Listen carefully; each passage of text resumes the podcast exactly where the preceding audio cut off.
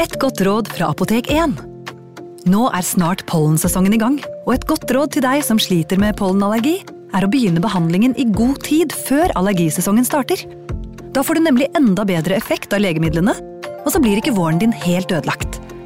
Kom innom og få råd på ditt nærmeste Apotek 1, eller chat med oss på apotek1.no. Apotek 1 vår kunnskap, din trygghet.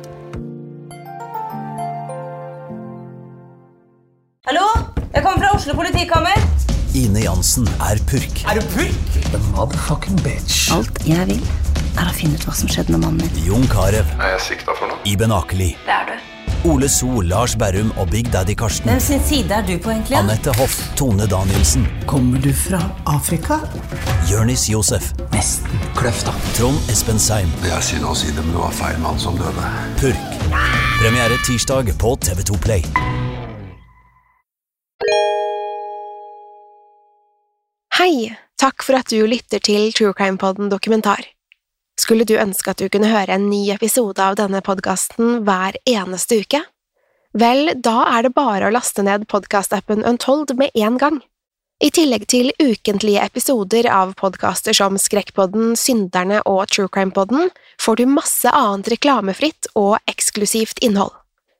Last ned Untold i AppStore eller Google Play, og start din 30 dagers prøveperiode i dag. you.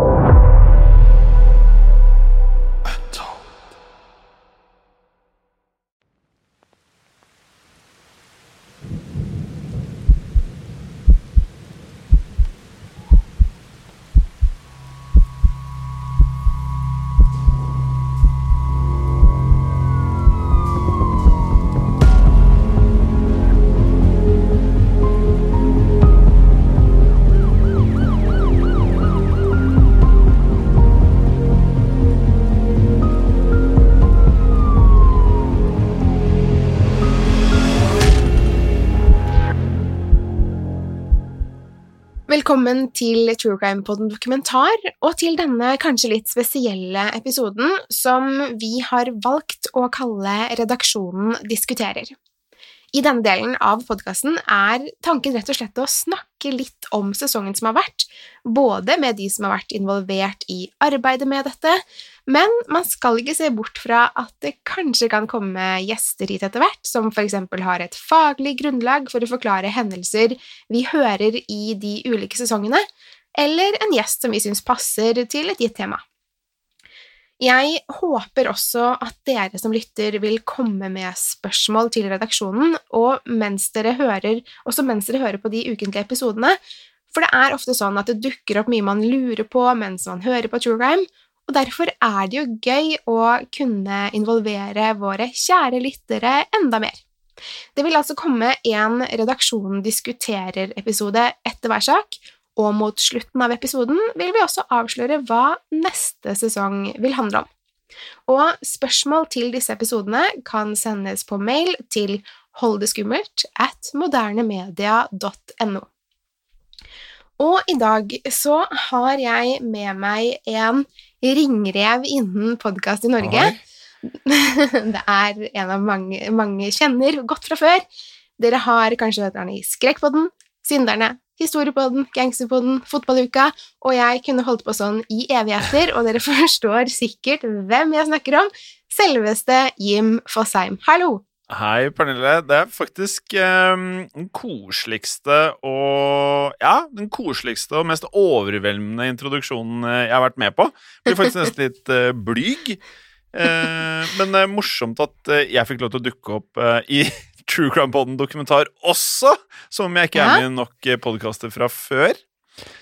Jeg tenkte um, egentlig å bare starte allerede nå med ikke bare å liksom takke for alle de koselige tilbakemeldingene vi har fått av folk generelt, både i um, Facebook-gruppen vår som heter Hold det skummelt, akkurat som e-postadressen, hvor vi nå har uh, oversteget 11 000 medlemmer.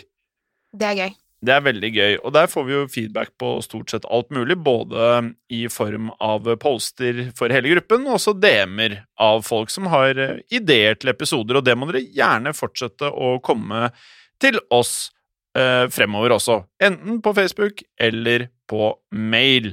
Eh, Men det er en ting som er åpenbart for oss, Pernille, er jo nå hvor utrolig mange det er som elsker true crime. Mhm. Og med det så er det jo utrolig morsomt å kunne ta disse her dypdykkene som nå kanskje er hovedforskjellen på vanlig True Crime-podden og True Crime-podden dokumentar, at vi nå går mye mer i materien. Og også vier da mer enn én episode, som vanligvis er det man forbinder med True Crime-podden. Én til to episoder om en sak, mens i True Crime-podden dokumentar så kommer det til å bli mange episoder om de mest fascinerende sakene. Ja, og det er, det er veldig gøy å jobbe med, med denne podkasten. Og eh, den er jo, som du sier, litt annerledes enn eh, True Crime-podden. For eh, i denne sesongen her så har det jo bare vært meg som programleder. Men det vil jo bli annerledes i neste sesong. Vi har jo mm, skrevet allerede på sosiale medier at det vil være med flere programledere i denne podkasten. Og allerede i neste sesong så har jeg fått med meg en eh, makker, kan vi si. Ja. Veldig flink makker, må vi jo kunne si, da. Eh, Eller medprogramleder. Og, og selv om det nå først bare er deg, Pernille, som lytterne hører, og så kanskje deg pluss en medprogramleder, så er ikke på en måte lista satt der at det bare er dere to. Eh, og det kan komme flere, og du nevnte jo allerede at disse redaksjonsepisodene, som vi tenker skal komme da fast som siste episode i hver sak, Um, At vi da kan ha gjesteprogramledere som har spesiell innsikt i enten psykologi eller i den spesifikke saken, eller et eller annet annet som vi har merket i True Crime-poden gjennom alle årene med produksjonen av True Crime-poden. Vi får jo enormt mye spørsmål om ting som vi selv også lurer på, som vi skulle ønske vi kunne prata litt om. Mm. Um, og det er jo derfor vi ønsker at uh, lytterne skal sende inn spørsmål uh, mens de hører på, sånn at vi kan kanskje besvare de i løpet av uh, de redaksjonsepisodene etter hvert. Men um, vi skal vente litt med å avsløre denne medprogramlederen min til litt senere, til slutten av episoden. Mm. For jeg tenker at først så må vi jo liksom Vi må jo snakke om første sesong, det som har skjedd der. Eh, og jeg kan bare, siste jeg skal si om den medprogramlederen, liksom den siste teasen, er jo at uh, dette her var en person som vi Vi pratet jo om at denne personen ønsket vi. Altså, Han sto Ja. helt øverst på listen over folk vi ønsket å ha med i uh, True Crime Podden dokumentar. Og jommen var, var ikke denne personen veldig engasjert og ønsket akkurat det samme som oss. Ja, og det er utrolig kult. Jeg gleder meg til å avsløre det senere. Ja, det ble veldig gøy. Eh, Vi kan da eh, forholde oss til det disse episodene skal dreie seg om. Eh, og det er jo da en refleksjon og gjerne våre tanker om saken som har vært i sesongen. Og denne sesongen, som folk har fått med seg, dreide seg jo om Leonard Lake og Charles Eng. Det første som slår meg med de episodene her, Pernille, er at det er noe, noe uvanlig i den forstand at Leonard og Charles drepte sammen. Og det er jo litt uh, ulikt disse vanlige gåsetegn vanlige seriemorderne, som oftest har et uh, Altså, de kjører en soloraid og gjør stort sett det som er av drap, helt alene og i det skjulte. Så det jeg liksom lurer litt på da, Pernille, er hvorfor tror du at de drepte sammen? Ja, altså, det er jo ikke godt å si, fordi det som er problemet er at man fikk jo ikke noe god forklaring fra Leonard, Lake eh, selv, fordi han tok jo livet sitt før han ble ordentlig avhørt av politiet. Men han laget jo til gjengjeld disse videoene hvor han forklarte litt om måte, tankene sine bak drapene, hvorfor han ønsket å drepe, og hva som var liksom, motivasjonen bak å fange kvinner på den uh, måten. Mm. Men jeg tror, uavhengig av eh, Charles eh, Eng, Pernille, så tror jeg Leonard Lake hadde drept uansett, jeg. Eh, og det er jo sånn det føles litt da med ja, seriemorderpar, hvis vi kan kalle de for det. Så eh, er det da et sånt Ja, det føles ut som et sterkt psykologisk bånd mellom de to. Og i akkurat dette tilfellet så var det Lake som føltes å være som den store pådriveren. Eh, og det var jo han da som ønsket å bygge denne bunkeren, og det var jo også han som dro med seg Charles Eng inn i hele dette hele operasjonen. Ja, han gjorde jo det, og, det, og han hadde jo også et ønske om å da ha sexslaver og gjøre det han ville med disse kvinnene, uten at de kunne rømme eller gjøre motstand. Og det er eh, Det er sånn ubehagelig tanke at han liksom ønsket det. For Ja. ja. Det er jo helt ekstreme ting, dette her. Altså, de ble jo tvunget, eh, og de ble jo truet på livet hvis de da ikke gjorde nøyaktig sånn som han sa. Eh, og han fikk dem jo også til å tro at de kanskje kunne slippe unna, så han ga de håp hele veien. Eh, hvis de bare ble med på det Lake befalte.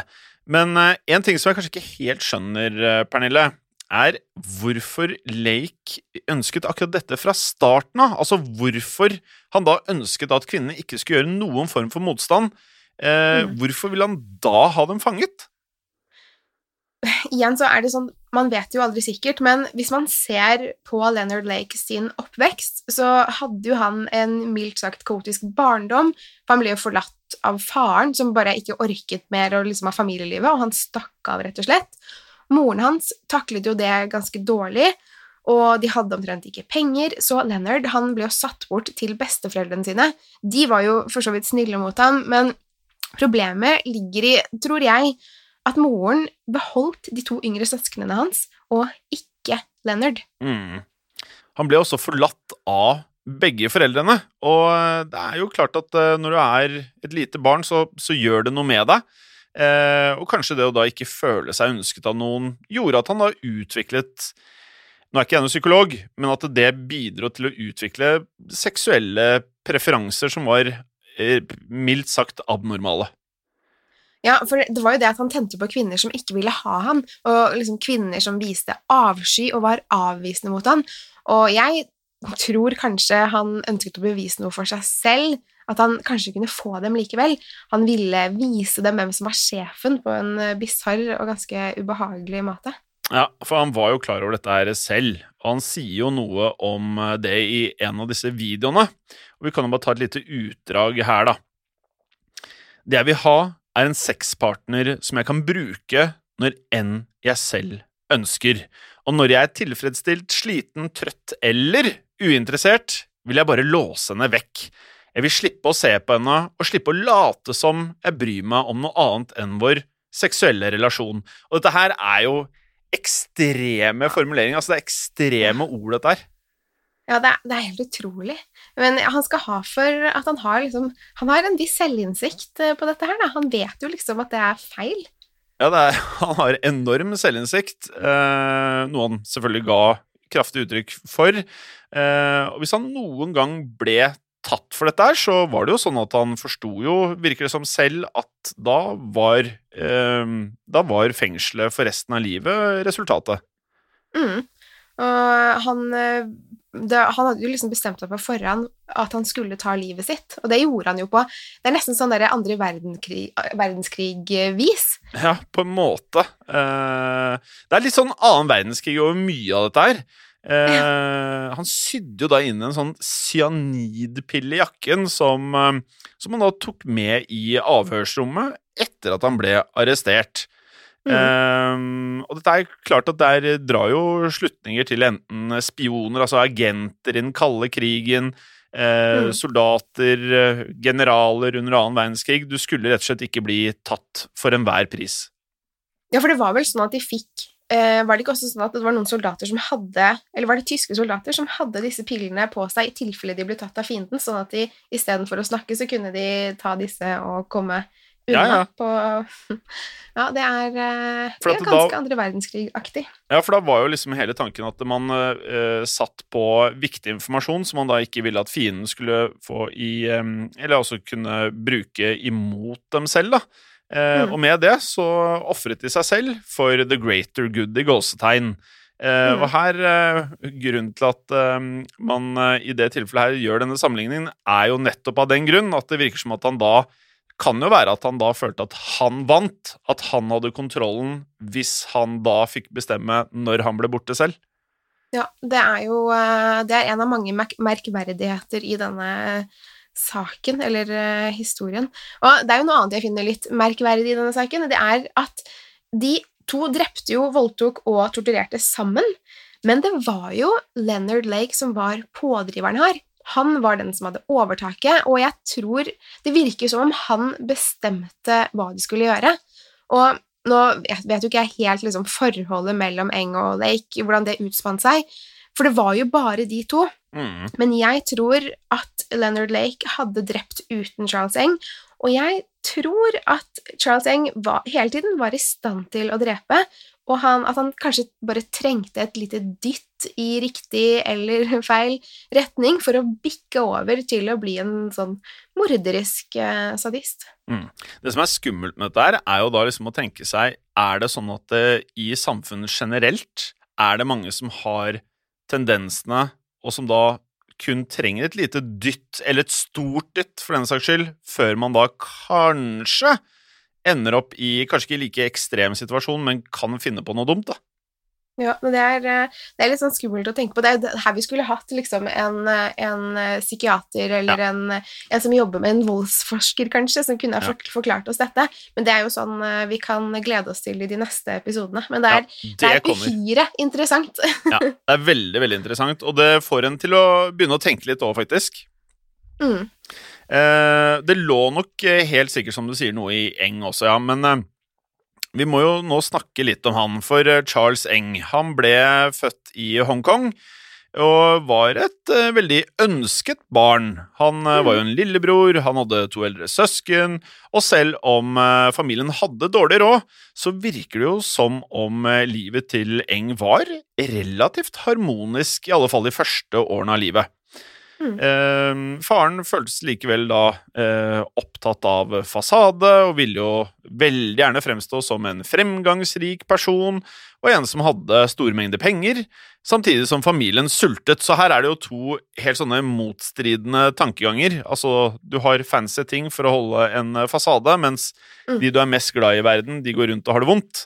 Um, og det er klart at eh, Jeg vil jo tro psykologisk igjen Vi har ikke en psykologisk studio akkurat nå, men min forståelse av dette er jo at det skjer noe forskrudd, og synet ditt på hvordan ting skal være, blir jo fra en ung alder veldig spesielt. Mm. Ja, det må ha vært eh, veldig vanskelig å vokse opp på den måten, eh, både for Charles Eng, men også for søstrene hans.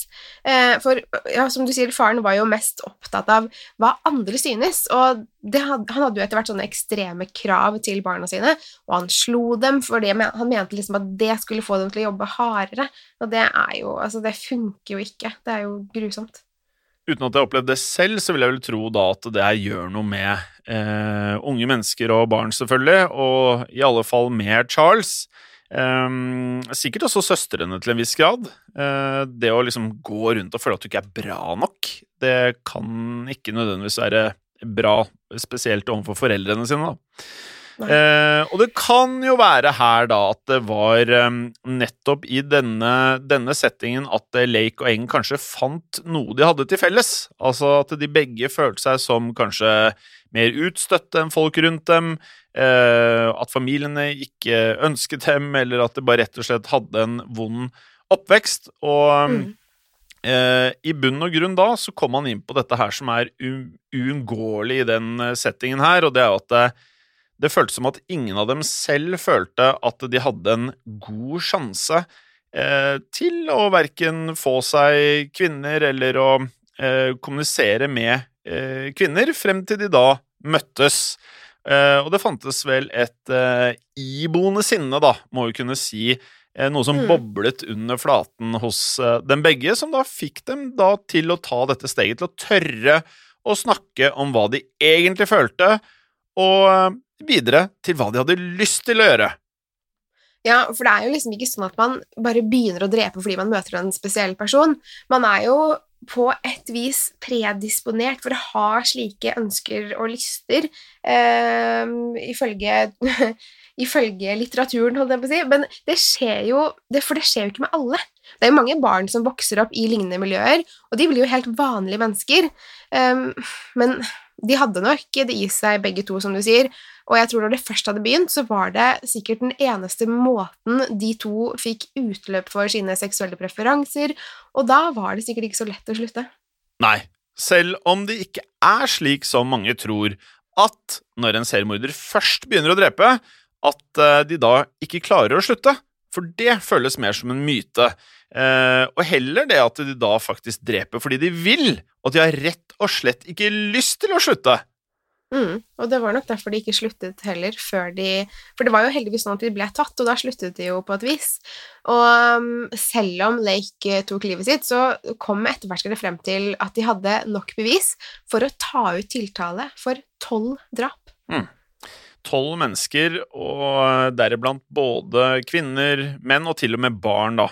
Eh, og det er klart at Dette her gjør jo hele saken enda mer grusom. altså Det blir jo mer makabert, det blir mørkt med en gang man involverer eh, barn her spesielt. Virkelig. og Lennon Lake var jo klar over hvor forstyrret tankegangen hans var. Eh, og som vi nevnte tidligere, så det kom vel kanskje ikke som noen overraskelse på noen at han eh, tok denne cyanidpillen, og nevnte vel eh, de også i eh, en av videoene sine. Ja, han gjorde det, og han snakket jo mye om at han forsto at det han ønsket, det var sykt, og han visste det, og likevel så brydde han seg ikke om noen andre mennesker enn seg selv, og han ville ikke engang stilles til ansvar for det han gjorde, som om han mente at liksom han også her skulle bestemme hva som skjedde. Så jeg syns eh, det taler mot at han hadde liksom et enormt kontrollbehov for alle aspekter i livet sitt. Nei, han ville ikke at noen skulle kontrollere ham. Eh, han skulle på, på en måte bestemme ting selv, og så lot han jo da Charles Eng ta hele ansvaret, selv om han i bunn og grunn ikke tok noe ansvar, han heller. Nei, for han hevder jo at han er uskyldig i alt dette, og at han ikke har gjort noe av det. Men det finnes jo mye bevis, og særlig i de videoene. De var så utrolig dumme, unnskyld uttrykket, å lage. Fordi hvorfor dokumentere det de gjorde, når det Det fantes en såpass ja, stor sjanse for at Ja. disse videoene kunne bli funnet? Det kan jo virke da som at man eh, faktisk da ønsket at noen skulle oppdage dette, at man hadde et behov for eh, at noen faktisk da fikk innsikt, mer inngående innsikt i hva de holdt på med. Mm. Men så har du jo det andre da, Pernille, og eh, det er jo dette her med at uh, man kommer ikke utenom at uh, dette her er jo folk som uh, kanskje ikke har noe imot å se denne torturen, se drapene flere ganger. Altså rett og slett gjenta den nytelsen som de da fikk av dette her. Mm. Og vi vet jo også at Lake var veldig interessert i den type filmer, for han så jo på snøff-filmer. Eh, Og med det så ønsket han jo da å lage sine egne, for eh, det var jo faktisk det de laget her.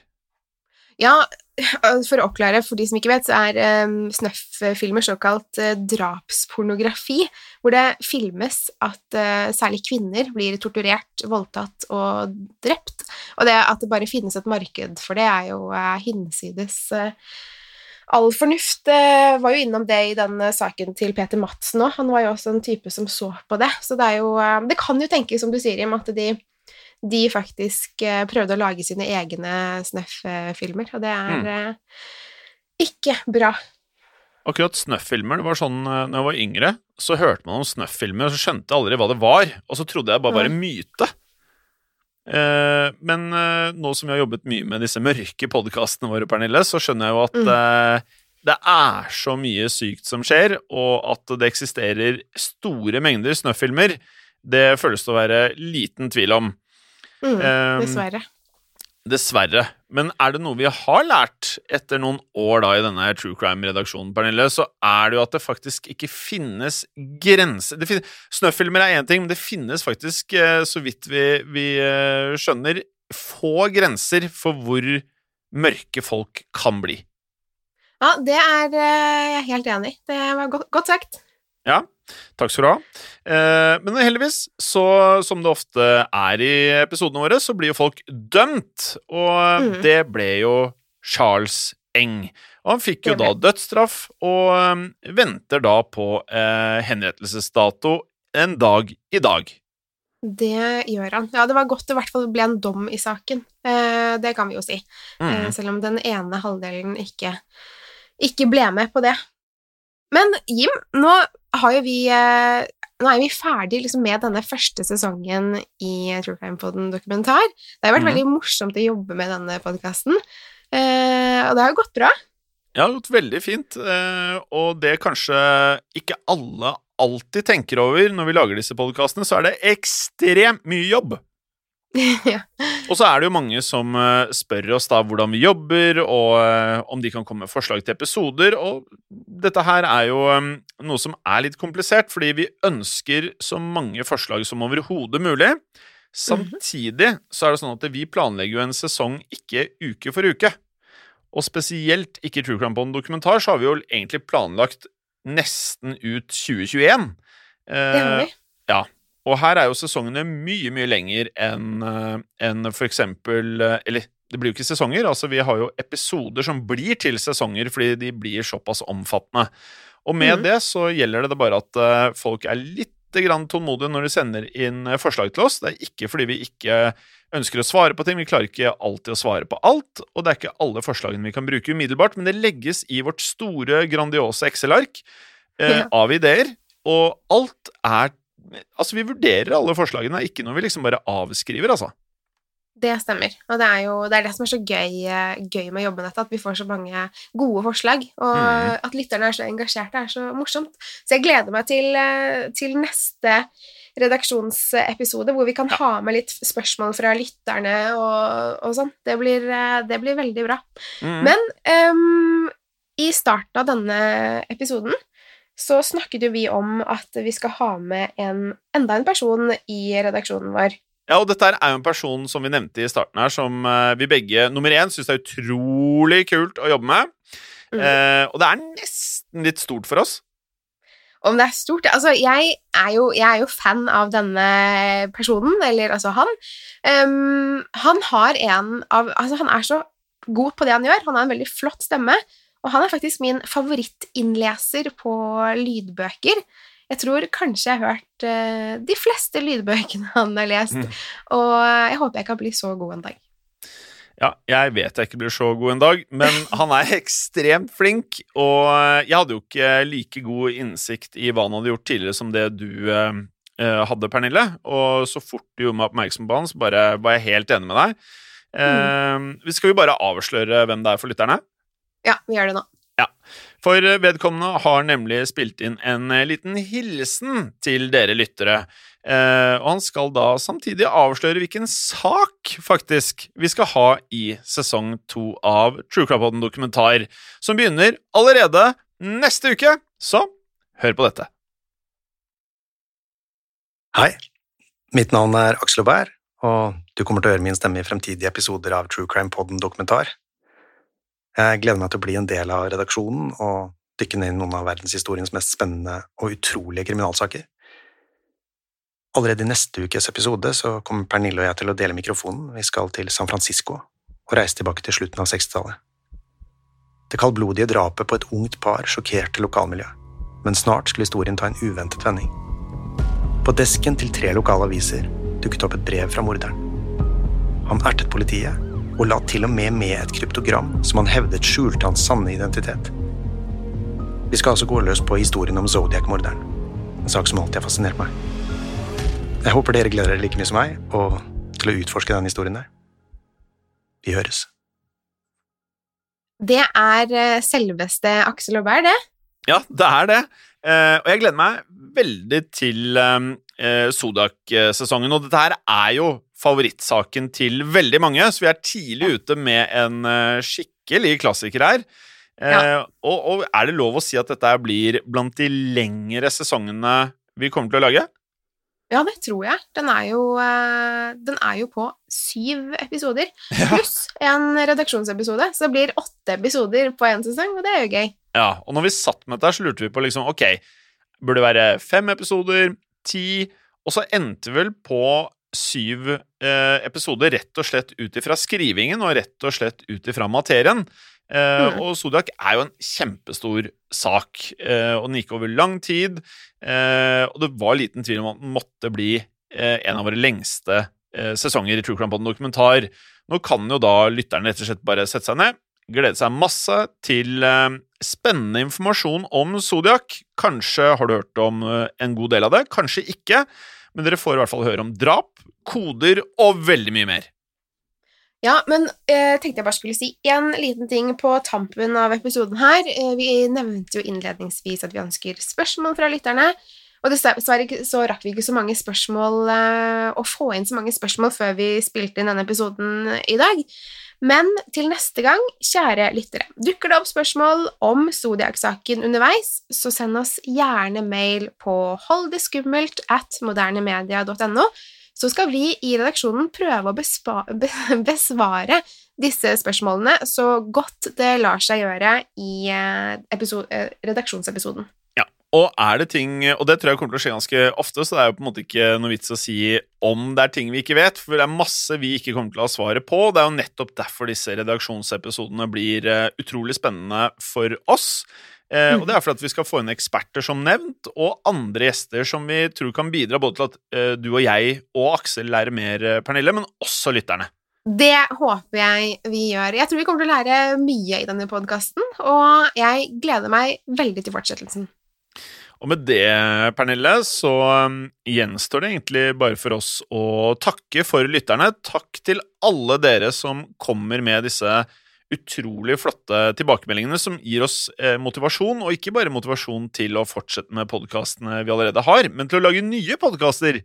Mm. Um, for det er helt, helt uh, essensielt. Og uh, fremover Fortsett gjerne med det, men gå også inn på uh, Apple sin podkastspiller og rate Truecampod dokumentar hvis dere ønsker det, og legg gjerne igjen en liten melding til oss der. Vi høres allerede til neste uke, da sammen med Aksel i tospann med Pernille, og da skal dere få høre om noe av det mest vanvittige innen true crime, nemlig Zodiac. Tusen takk for nå. Vi høres igjen i neste episode.